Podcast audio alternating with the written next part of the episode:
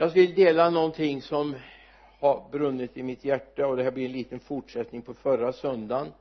Och det kommer ni ihåg väldigt bra vad förra söndagen handlade om förstår jag.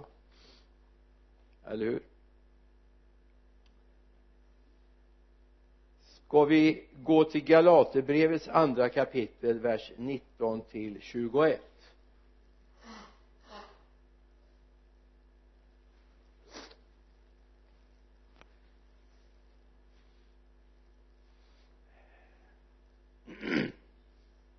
Galaterbrevet 2 19 till 21 där skriver Paulus så här. Jag har genom lagen dött bort från lagen för att leva för Gud. Jag är korsfäst med Kristus. Nu lever inte längre jag utan Kristus lever i mig. Och det liv jag nu lever i min kropp det lever jag i tron på Guds son som har älskat mig och utgett sig för mig. Jag förkastar inte Guds nåd för om rättfärdighet kunde nås genom lagen då hade Kristus dött förgäves. Nu kunde inte rättfärdighet nås genom lagen. Jag satte en rubrik som är en utmaning och en uppmaning mot oss. Lev det nya livet. Lev det nya livet. Du har fått nog av det gamla. Det finns någonting nytt något annorlunda som har en helt annan art inom sig. Det är viktigt att vi lever för Herren alltid och i alla situationer. Alla vi som har satt emot Herren Jesus Kristus är nya skapelser. Vi ska läsa det bibelordet i andra Korinthierbrevet snart. Men det är viktigt att vi kommer ihåg det.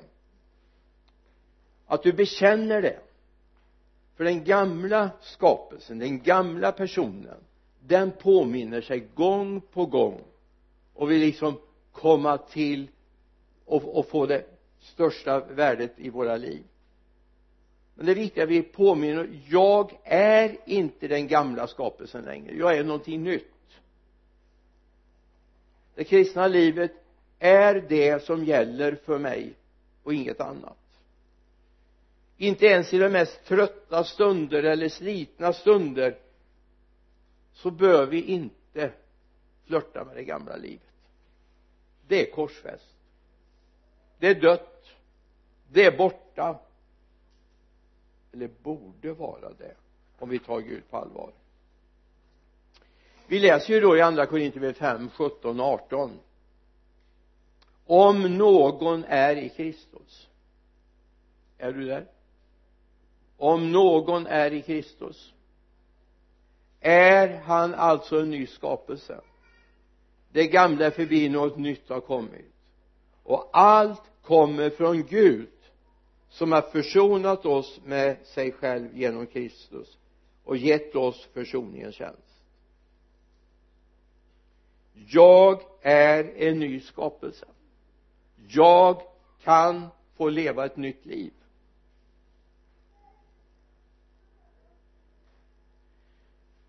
Och tillåt dig aldrig att vara en kameleont.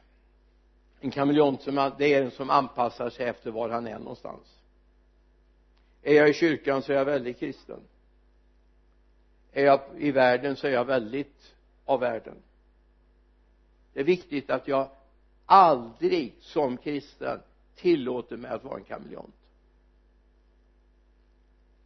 För då är jag inte längre en kristen.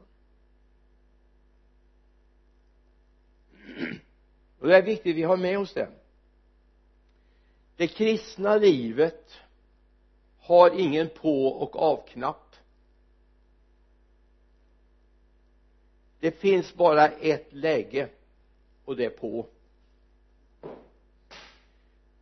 Det är ju så här. Jag skulle kunna rabbla upp ett antal av era namn.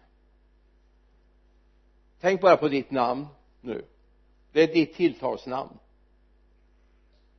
Och så vill jag bara säga en fråga.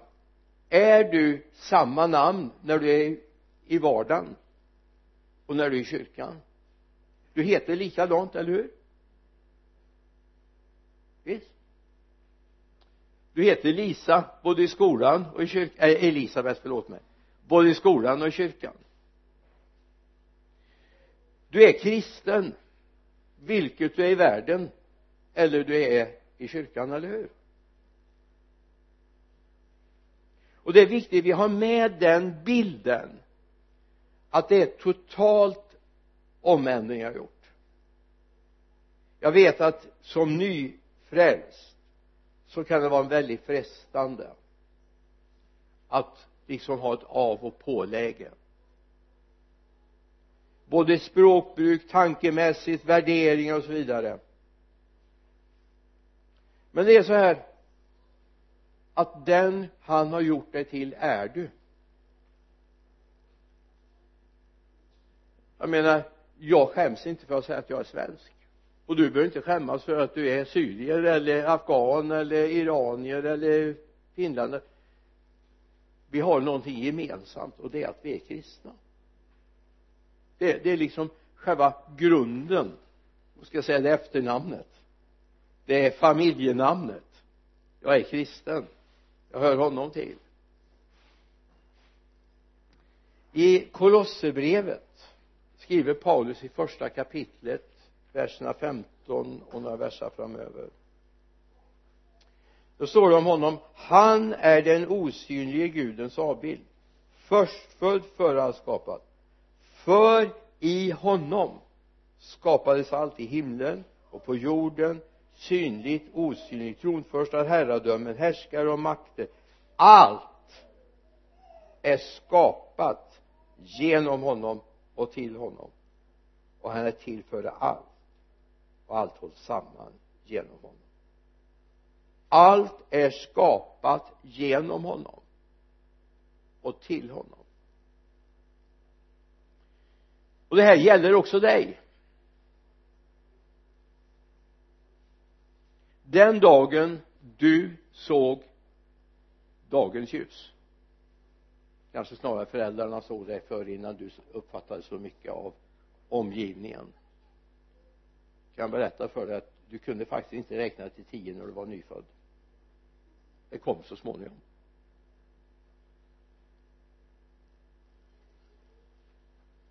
Men den dagen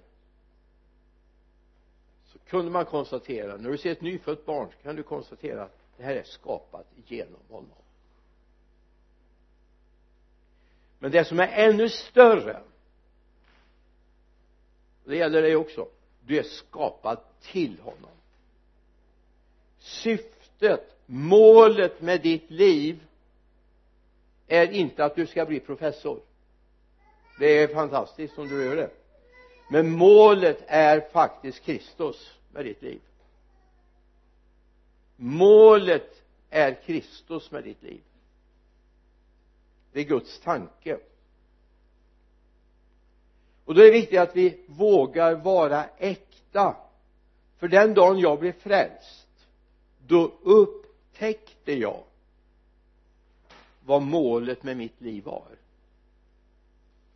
Det tog ett tag innan poletten föll ner men då upptäckte jag målet med mitt liv det är Jesus. Målet med min tid är Jesus. Målet med mina resurser, min kunskap eller brist på kunskap du får säga vad du vill det är Kristus. Och det är viktigt att vi har med oss det om vi ska upptäcka vad det nya livet egentligen handlar om. Det gamla livet har vi fått nog av. Det behöver vi inget mer av vi behöver det nya.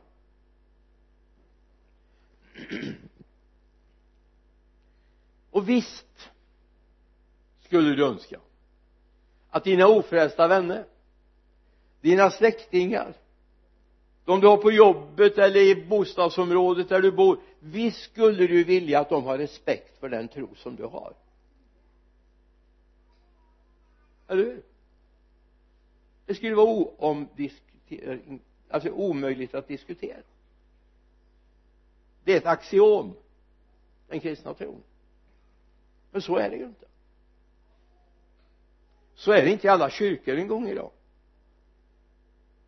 jag följer en del på facebookflöden. Man blir bara trött. Idag är den stora given i de stora kyrkorna i världen det är att rädda jorden det är som man inte har läst det sista att den här jorden ska bara skrynklas ihop och brännas upp. För vi ska få en ny himmel och en ny jord där rättfärdighet bor. Men det är den stora given i de stora kyrkorna. Den katolska kyrkan, den lutherska kyrkan flera av de frikyrkor vi har i vårt land som är påverkad av den lutherska kyrkan även om man är en frikyrka den stora grejen det är en stor konferens i Stockholm den här dagarna nu där man ska samtala om och det skriver en pastor som jag trodde var en väldigt andlig förebild. Skriver han nu har vi verkligen upptäckt vad vårt mål och vår mening är. Vi ska rädda jorden. Ja visst det är bra att rädda jorden. Men jag tänkte så här människorna som trampar på den här jorden måste vara långt mycket mer värda det räcker inte att rädda jorden det handlar om att rädda människor för evigheten.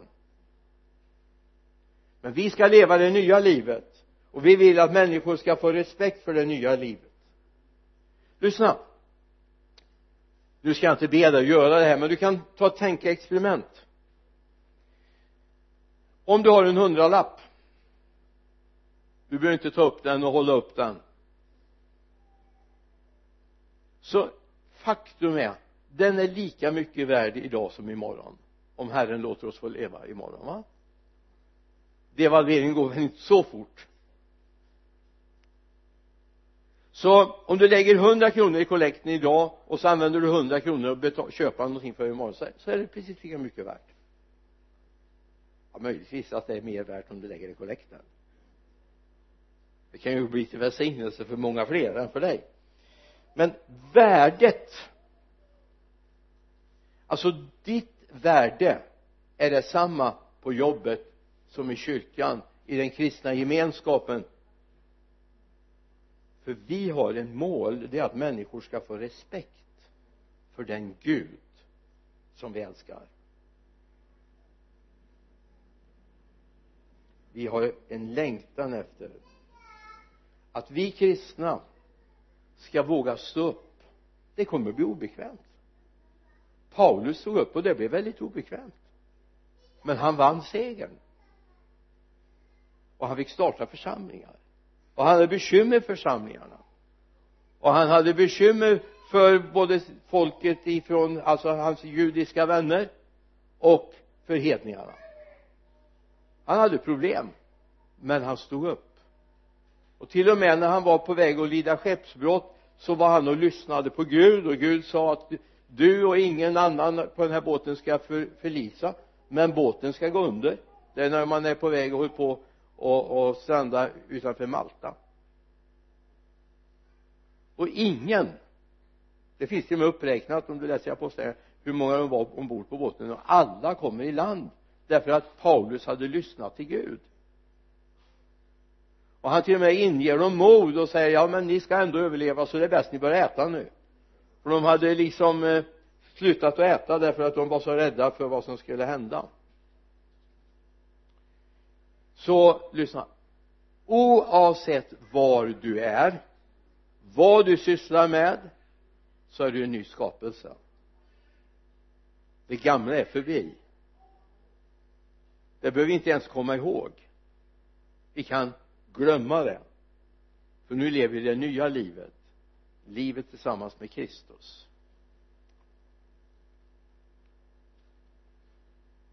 I andra Timoteusbrevet ja, det finns på två ställen vi har både första och andra Timoteusbrevet men vi går till andra Timoteusbrevets tredje kapitel. Ska jag ta dig med till en sak där medan du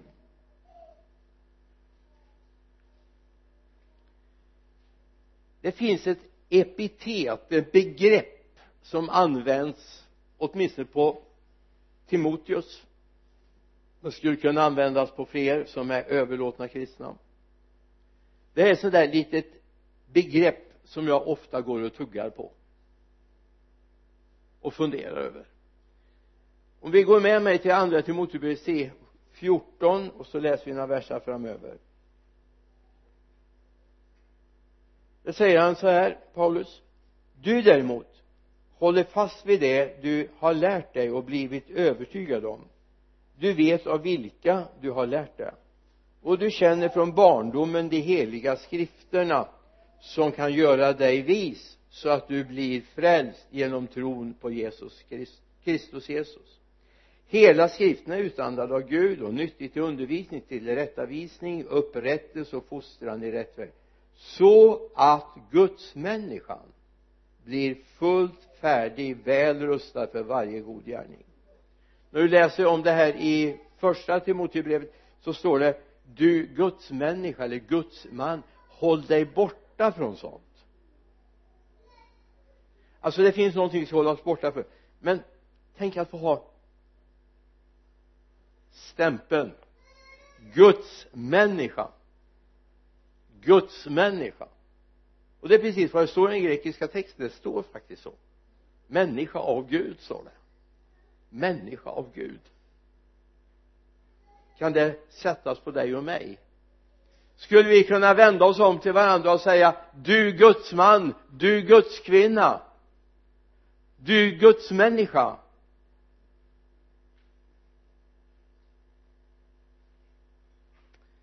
Gud har tänkt någonting om oss och vill att vi ska förverkliga Guds människan det nya livet.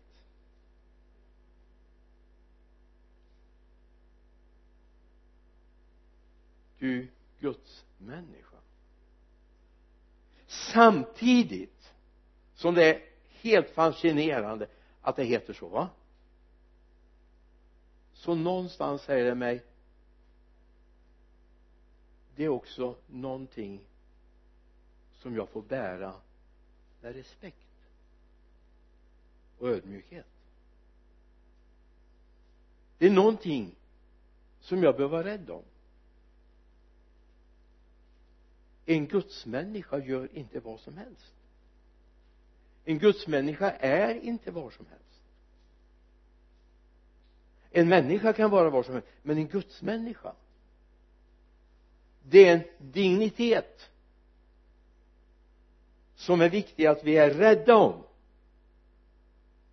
Så imorgon när du går till jobbet om Herren dröjer och vi får leva så är du en gudsman en gudskvinna. Du ska bära det med värdighet. En gudsmänniska gör inte vad som helst. Lever inte hur som helst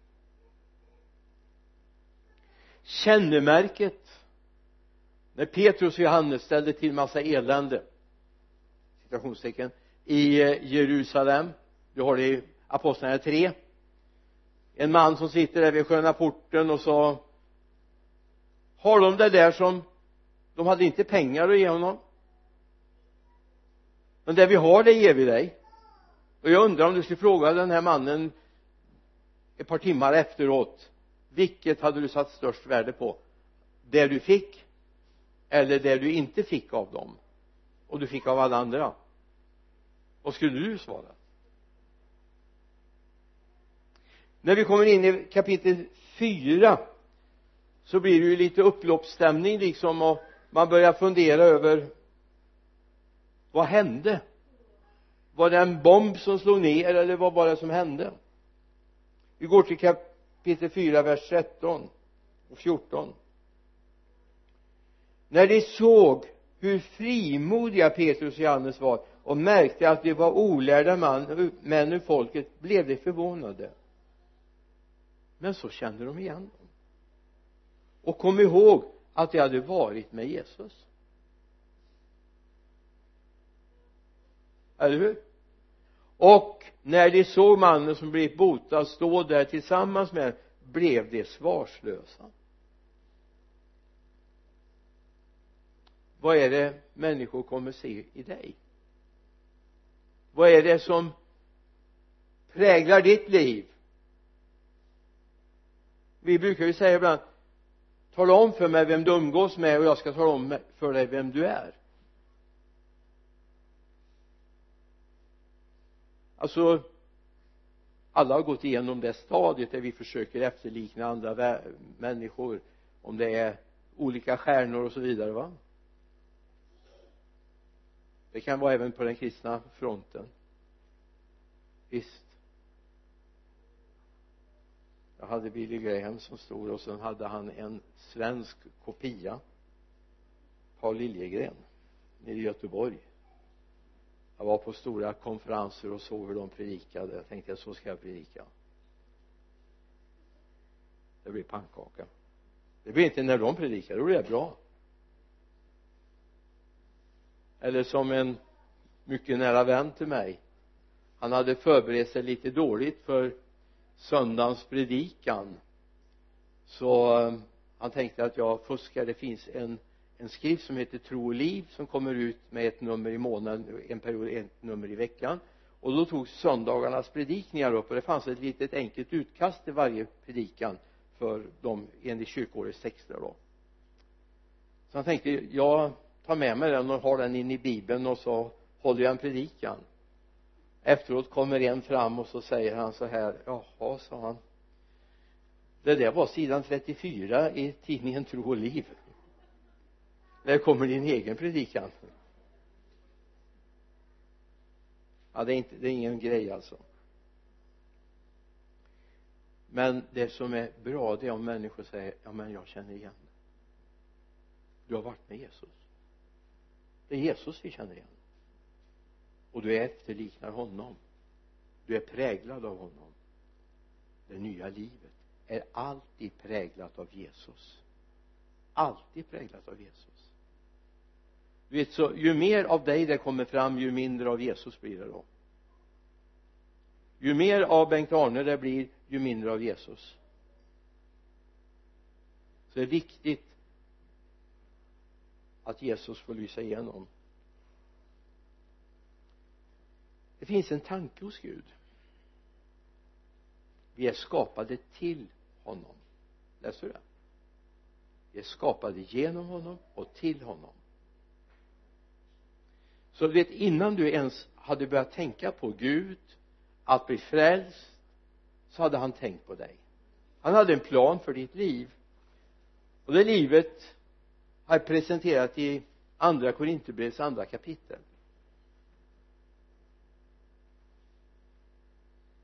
Paulus han hade upptäckt det. Och han skriver frimodigt till församlingen i Korint om det. Det andra kapitlet vers 14 börjar vi läsa. Men vi tackar Gud som ständigt för oss fram i Kristi segertåg och sprider sin kunskapsdoft genom oss överallt. Vi är en Kristi väldoft inför Gud bland dem som blir frälsta och bland dem som går förlorade. För några en doft av död till död för andra en doft av liv till liv. Vem kan räcka till för det här? Vi är inte se, eh, som de flesta som förfalskar Guds ord för egen vinning. Nej i Kristus predikar vi med rent sinne inför Gud det som kommer från Gud. Innan du var född Gud visste att du var på gång. Gud visste det. Så hade han en tanke. Det här skulle du göra. Du ska sprida Kristi väldoft du ska sprida hans välsignelse. Jag har mött dem. Alltså ibland möter man människor som man bara känner wow. Enkla människor. När jag växte upp så hade vi en förkunnare som var hemma på en mötesserie 53 så jag börjar bli till åren kommen nu men jag minns det två saker minns jag. Av honom för det första bodde han i vårat hem. För det andra och han bodde över tio veckor hemma hos oss. Så det var nästan som man trodde vi hade fått en ny familjemedlem. Han och hans bror bodde. Han heter Georg Davidsson. Alltså både när jag mötte honom i hemmet vid lunchen, vid frukosten eller när han drog sig tillbaka eller jag såg honom på talarstolen så var jag en gudsman nu gick han hem till Herren här för ett tag sedan. Jag har hållit på och jagat honom för jag tänkte jag skulle vilja ha hit honom en söndag eftermiddag. Han skulle fått berättat om sitt enorma liv. Men eh, jag kom in i bilden lite för sent och eh, då började han bli till åren kommen. Men en fantastisk man som bara andas ut Kristus. Hade inga egna ambitioner. Han var också lärare på en bibelskola på Flahult en bibelskola som Helgesförbundet hade. Han har präglat också en generation av blivande evangelister inom inom Helgesförbundet. En annan man som jag sprang på för några år sedan jag kan nämna om de som är hemma hos Herren nu. Han hette Hjalmar Karlsson. Han var kolportör. Är det någon som vet vad en kolportör är? Han älskar Jesus väldigt mycket. Han hade nog aldrig gått någon bibelskola eller någon teologisk utbildning. Men han älskar att berätta om Jesus. Och han hade tagit sig för att åka ut i stugorna och försöka sälja kristna böcker. Och sprida biblar och kristen litteratur. Och samtidigt försöka få vittna om Jesus för människor. Fick se många människor nere i Smålandsbygderna bli frälsta. Mycket genom hans person han bodde nere i Emmaboda en fantastisk man. Och jag hade möjlighet att möta honom i en möteshelg. Vi hade kallat honom när jag var ungdomsledare eller evangelist nere i församlingen i Kisa i södra Östergötland. Att få möta den här mannen som bara andades ut Guds närvaro i all sin enkelhet. Kavajen var lite solkig och byxorna inte välpressade och skjortan kanske jag kunde ha behövt någon tvätt till och så här. Men när han stod upp så såg man bara Jesus. Enkelt. När han var i Kisa så var han så långt i ålder så att han fick sitta när han predikade. Han orkade inte stå. Och så spelade han luta och sjöng. Gamla kristna skillingtryck. Alltså sådana här som hade 58 versar och beskrev det kristna livet. Helt fantastiskt. Knäppte han på sin luta och så spelade han och sjöng.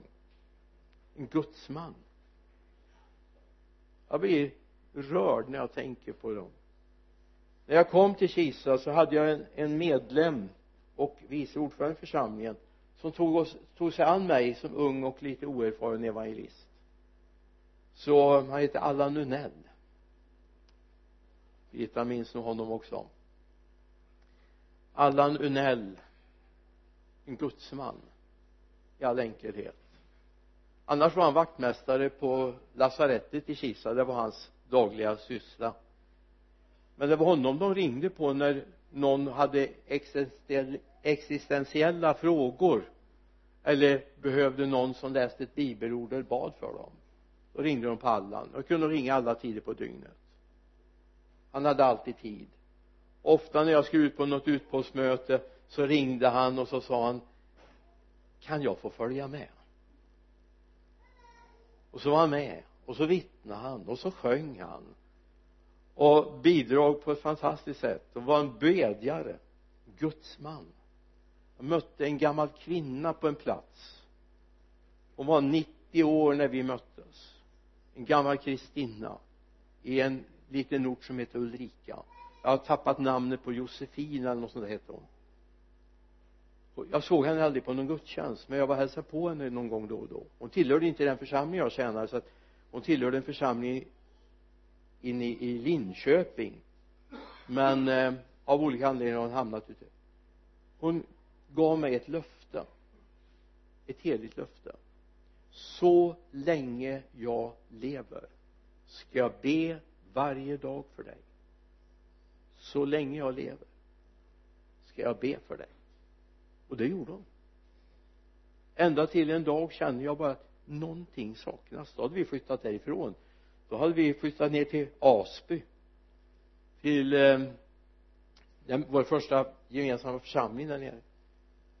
Så möter jag en syster i församlingen som kände den här kvinnan väl så att har du hört att hon har fått sluta sina dagar.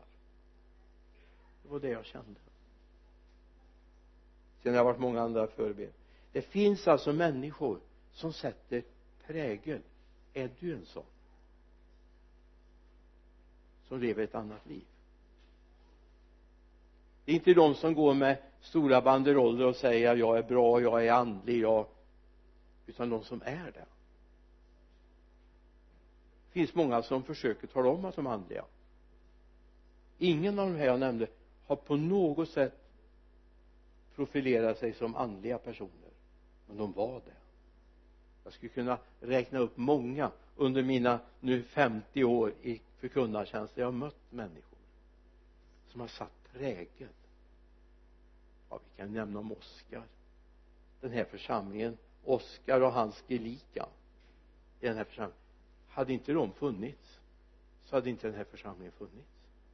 Det är jag så.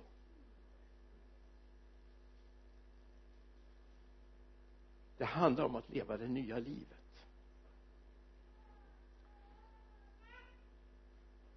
Och låta få upptäcka att det in, nya livet är ett inre flöde. Inte någonting jag har lärt mig utan det är ett inre puls som finns bara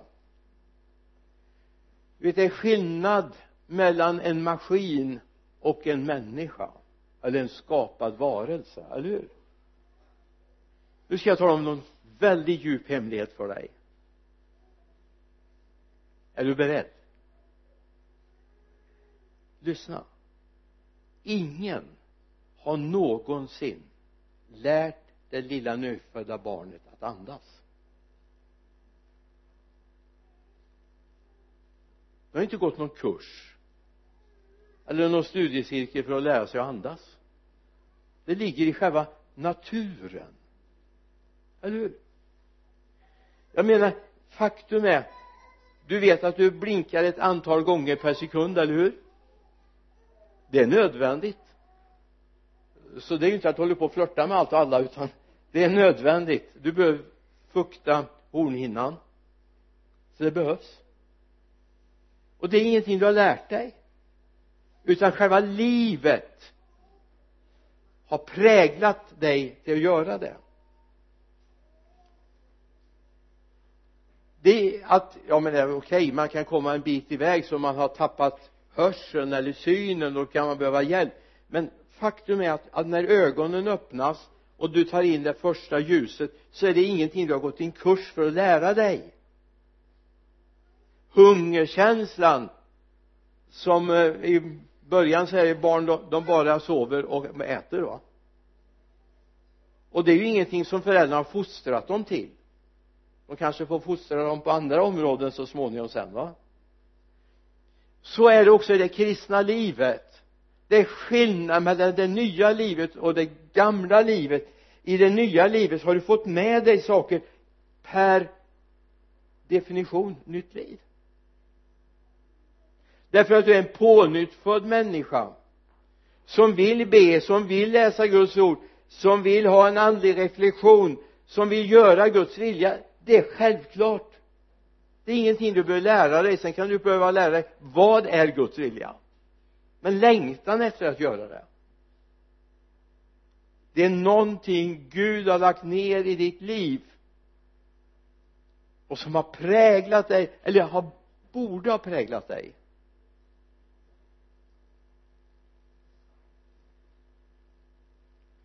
I Johannes 7 Jesus är i den där stora högtiden i templet. På den sista dagen. 7, 37, 38 39 läser vi också. På den sista dagen, den största högtiden, stod Jesus och ropade om någon törst, någon är törstig, kom till mig och drick. Den som tror på mig, som skriften säger, ur hans innersta ska strömmar av levande vatten flyta fram. Detta sa han om anden som de skulle få som trodde på honom. Och så sa att anden då inte hade kommit än alltså den som tror på mig ur hans innersta ska det hända någonting.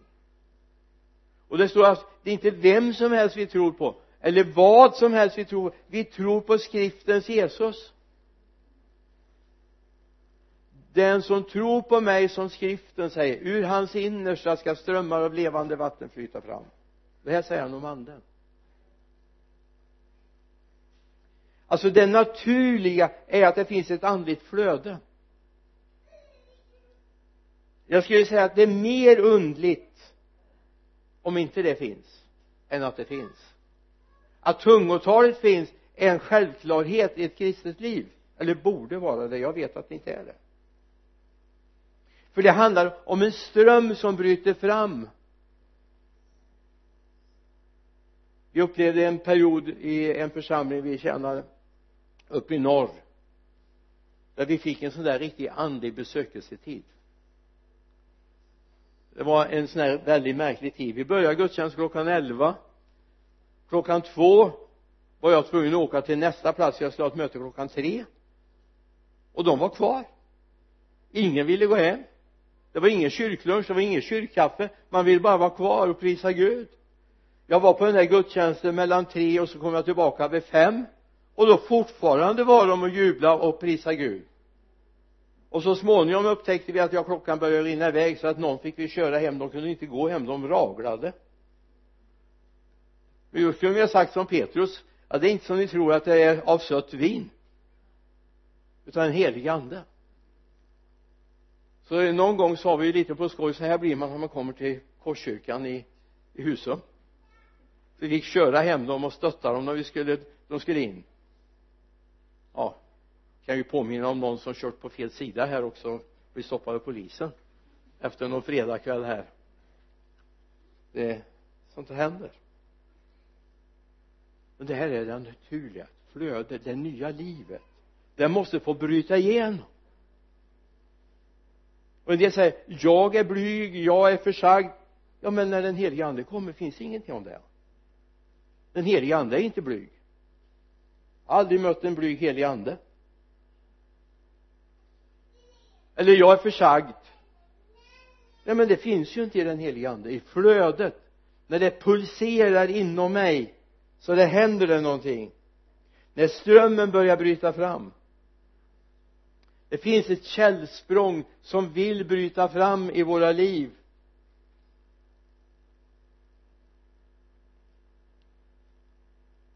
När flödet börjar att bryta sig igenom det börjar höras på utsidan. Din böneliv kommer att bli annorlunda. Det var min upplevelse den där dagen när det här fick bryta igenom i mitt liv. Jag var kristen. Jag var kristen jag kunde hållit bibelstudium om den heliga ande. Jag kunde alla bibelorden. För det talade man mycket om i min hemförsamling. Så jag kunde bibelorden. Visste vad de stod för. Jag skulle nog till och med många av bibelorden kunde jag nog ha till och med på den tiden rabblat vad den grekiska texten sa. Det har jag inte kvar nu. Men vi hade bibellärare i våran församling hemma som var fantastiska. Men som jag berättade om en, nu bor han i Jönköping men som älskar att predika över släktregistren i bibeln. Gillar du släktregistren du läser dem och du blir jublande glad och den heliga ande bara flödar i ditt liv. Du börjar ta hit Stig Svensson. Alltså det, det är fantastiskt. För då ser man helt plötsligt hur pusslet hänger ihop hur det har gått från släkte till släkte. Och var det bröts och varför det bröts han känner personer som man vi tycker man bara sett en enda gång i bibeln. I ett släktregister han födde han och så vidare va? Bara det är ju ett mirakel. Men det är när den heliga ande får börja levandegöra ordet jag är väldigt fascinerad av en händelse i Johannes 4 jag ska inte läsa hela samma, jag ska bara läsa några brottstycken. Johannes 4, 13 det är kvinnan vid Sykars brunn. Det har pågått en liten samtal och så kom vi i vers 13 Jesus svarar henne den som dricker av det här vattnet blir törstig igen men den som dricker av vattnet jag ger honom ska aldrig någonsin törsta det vatten jag ger blir en källa i honom med vatten som flödar fram till evigt liv. Amen. Alltså här presenterar han för den här kvinnan. För det första så är hon ju förvånad över ja men du är jude och jag är samariska. Och du pratar med mig. En man pratar med en kvinna bara det var otänkbart en man som är jude pratar med en samaritiska. Alltså dubbelt omöjligt. Men han tar upp samtalet och han presenterar någonting som kan ge liv här inne. Och när de har fört det här samtalet en, en stund så kommer vi fram till vers 28 du får fundera själv på där kommer också lärjungarna och, och funderar på om han inte vill ha lite mat. De har varit och fixat käk och han säger jag har en mat att äta som ni inte känner till. Och jag säga det är nog någonting vi borde lära oss lite av. Att det finns en mat som vi inte känner till. 28 kvinnan lämnade sin vattenkruka gick in i staden och sa till folk kom så får ni se en man som har sagt mig allt jag har gjort. Han kanske är Messias då gick de ut eh, ur, eh, ut ur staden och kom till honom. Vad har hänt? Hade hon börjat dricka lite av det här vattnet? Någonting hade lyst upp hennes hjärta och hennes kanske han är Messias? Det visste hon om i alla fall. Och sen går vi fram till vers 39 många samarier från den staden kom till tro på honom genom kvinnans ord när hon vittnade. Han har sagt mig allt jag har gjort. När samarierna kom till honom bad de att han skulle stanna kvar hos dem och han stannade där två dagar. Många fler kom till tro på grund av hans ord. Och de sa till kvinnan nu tror vi inte bara på grund av vad du har sagt vi har själva hört och vi vet att han verkligen är världens frälsare. Det börjar med ett samtal om en vattenkruka. En presentation av att jag har ett vatten samma som han senare kommer att nämna om när han står i templet på den stora högtiden. Det finns någonting mer? Han presenterar något hon får liksom smak på det. Hon berättar människor kommer ut. Om inte någonting hade hänt med den här kvinnan som har sagt här är en man som har sagt mig allt kanske han är messias. Så är jag inte säker på att så många hade gått ut till brunnen. Hon var inte den mest ansedda i stan. Fem män har du haft. Och den du nu har är inte din man. Bara den sista raden skulle chockat många. Han är inte din man. Men någonting har hänt. Så att de kan säga nu är det inte bara för det du berättar för oss utan vi har mött honom själva. Ta med det här. Försök att ta in det. Tänk om du har druckit lite av det vattnet till du kommer till jobbet imorgon.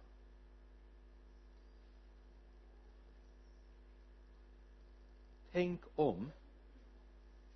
Tänk om. Du har druckit lite av det vattnet när du kommer till ditt vardagssituation imorgon. Kanske fler skulle säga ja nu är det inte bara för det du berättade. Vi har mött honom själva. Det finns en power i namnet Jesus. När det här flödet börjar hända i oss då går det inte att tysta oss.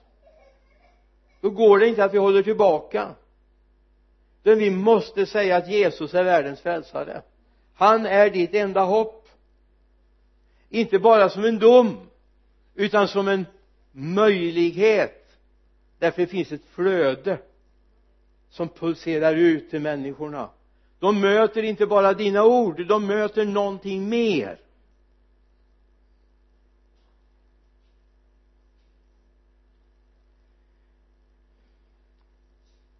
Får jag några minuter till? Jag har inte kört över en timme än alltså. jag vet bara att den här dagen är lite tajtare än andra dagar. Jag skulle vilja börja ta upp några små saker som vi ska ha med oss. Och vi måste börja även om det är svårt vi måste börja varifrån har vi gått? För att kunna konstatera vart vi har kommit. Vi hade en gammal natur. I Galaterbrevet verserna 19 till 21 så står det om den gamla naturen. Jag orkar inte ens läsa det. Du har lämnat det hoppas jag. Men här finns det ett gammal natur.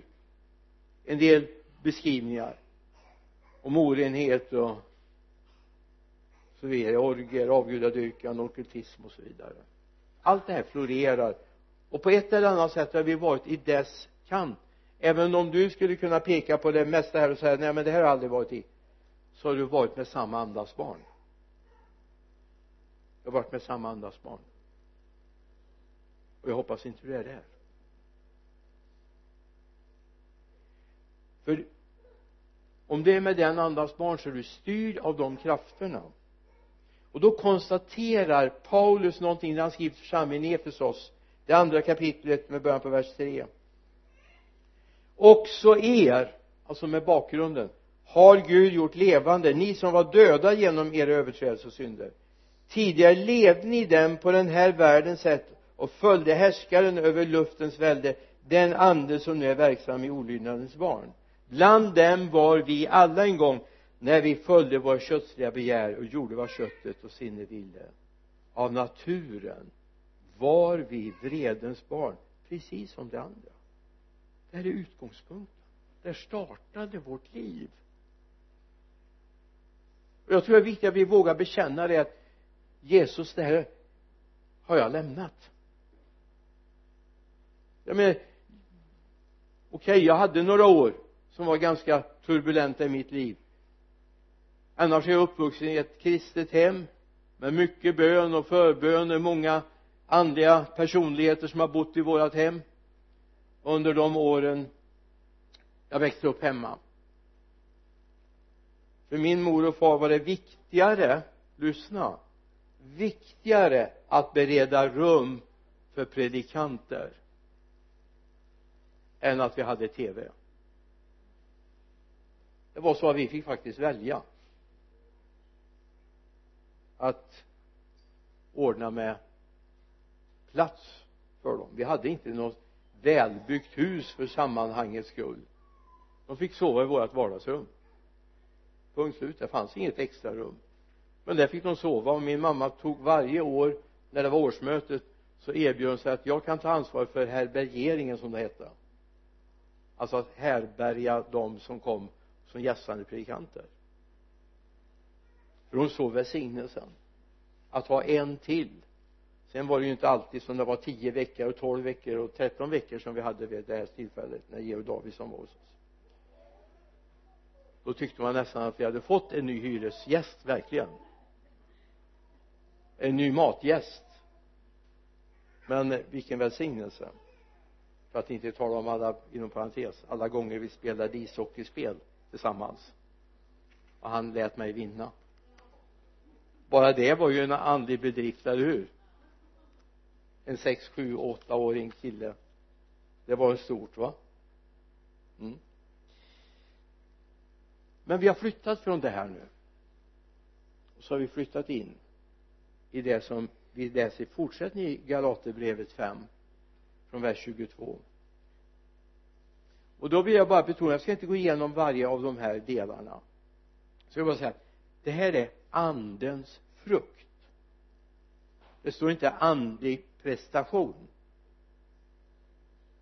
Det här är en frukt av att det nya livet du lever det.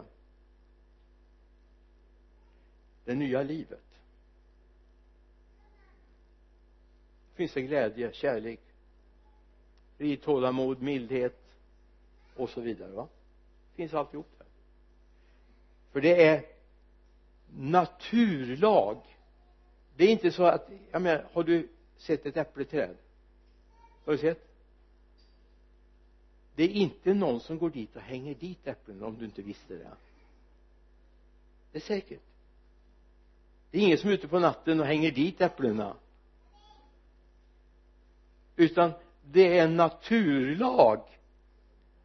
Faktum är ja, min pappa han drev med oss lite grann han han ympade in en eh, en kvist med päron på ett äppleträd så ena grenen skulle ge äpplen och andra grenen skulle ge päron. Resultatet blev inte så bra men det kom något, något litet förkrympt päron också på den grenen. Det var inte riktigt rätt natur för det. Det hade nog gått bra om inte äppelkvisten hade suttit där. Det hade kunnat gått bra. Så det är en naturlag. Det här uppstår kärlek, glädje, frid, tålamod. Det är ett resultat av det andliga livet som finns här inne. Det är därför du blir tålmodig. Det är därför du blir vänlig. Det är därför du blir god. Det är därför du får trohet. Det är därför du har ett milt hjärta. Och du har behärskning över dig själv. Därför att du lever det nya andliga livet.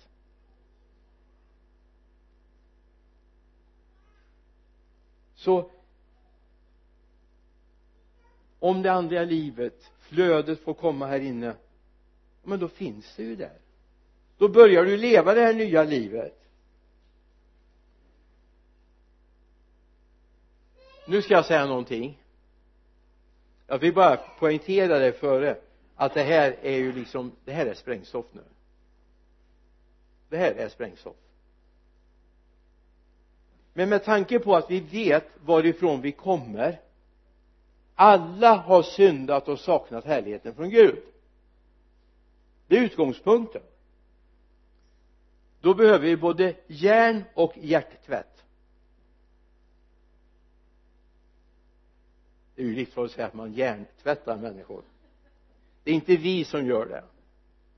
Den helige ande gör det.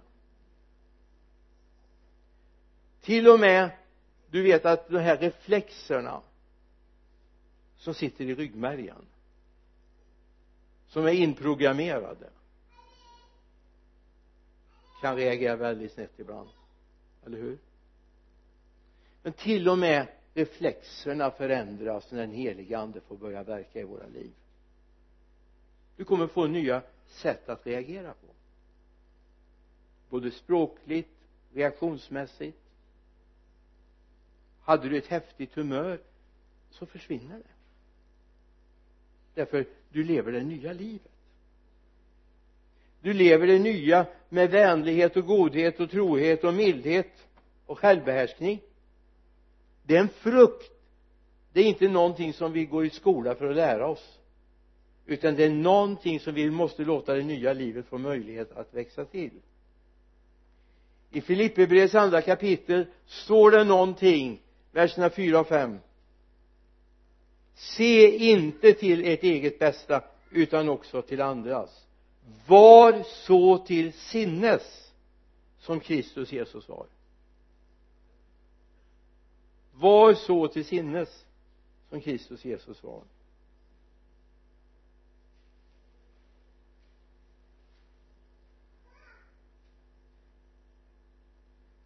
Det står om Jesus i första Petrusbrevet i andra kapitlet vi börjar på vers 21 till detta är vi kallade Kristus led i ert ställe och efterlämnade ett exempel åt er för att ni ska följa i hans fotspår.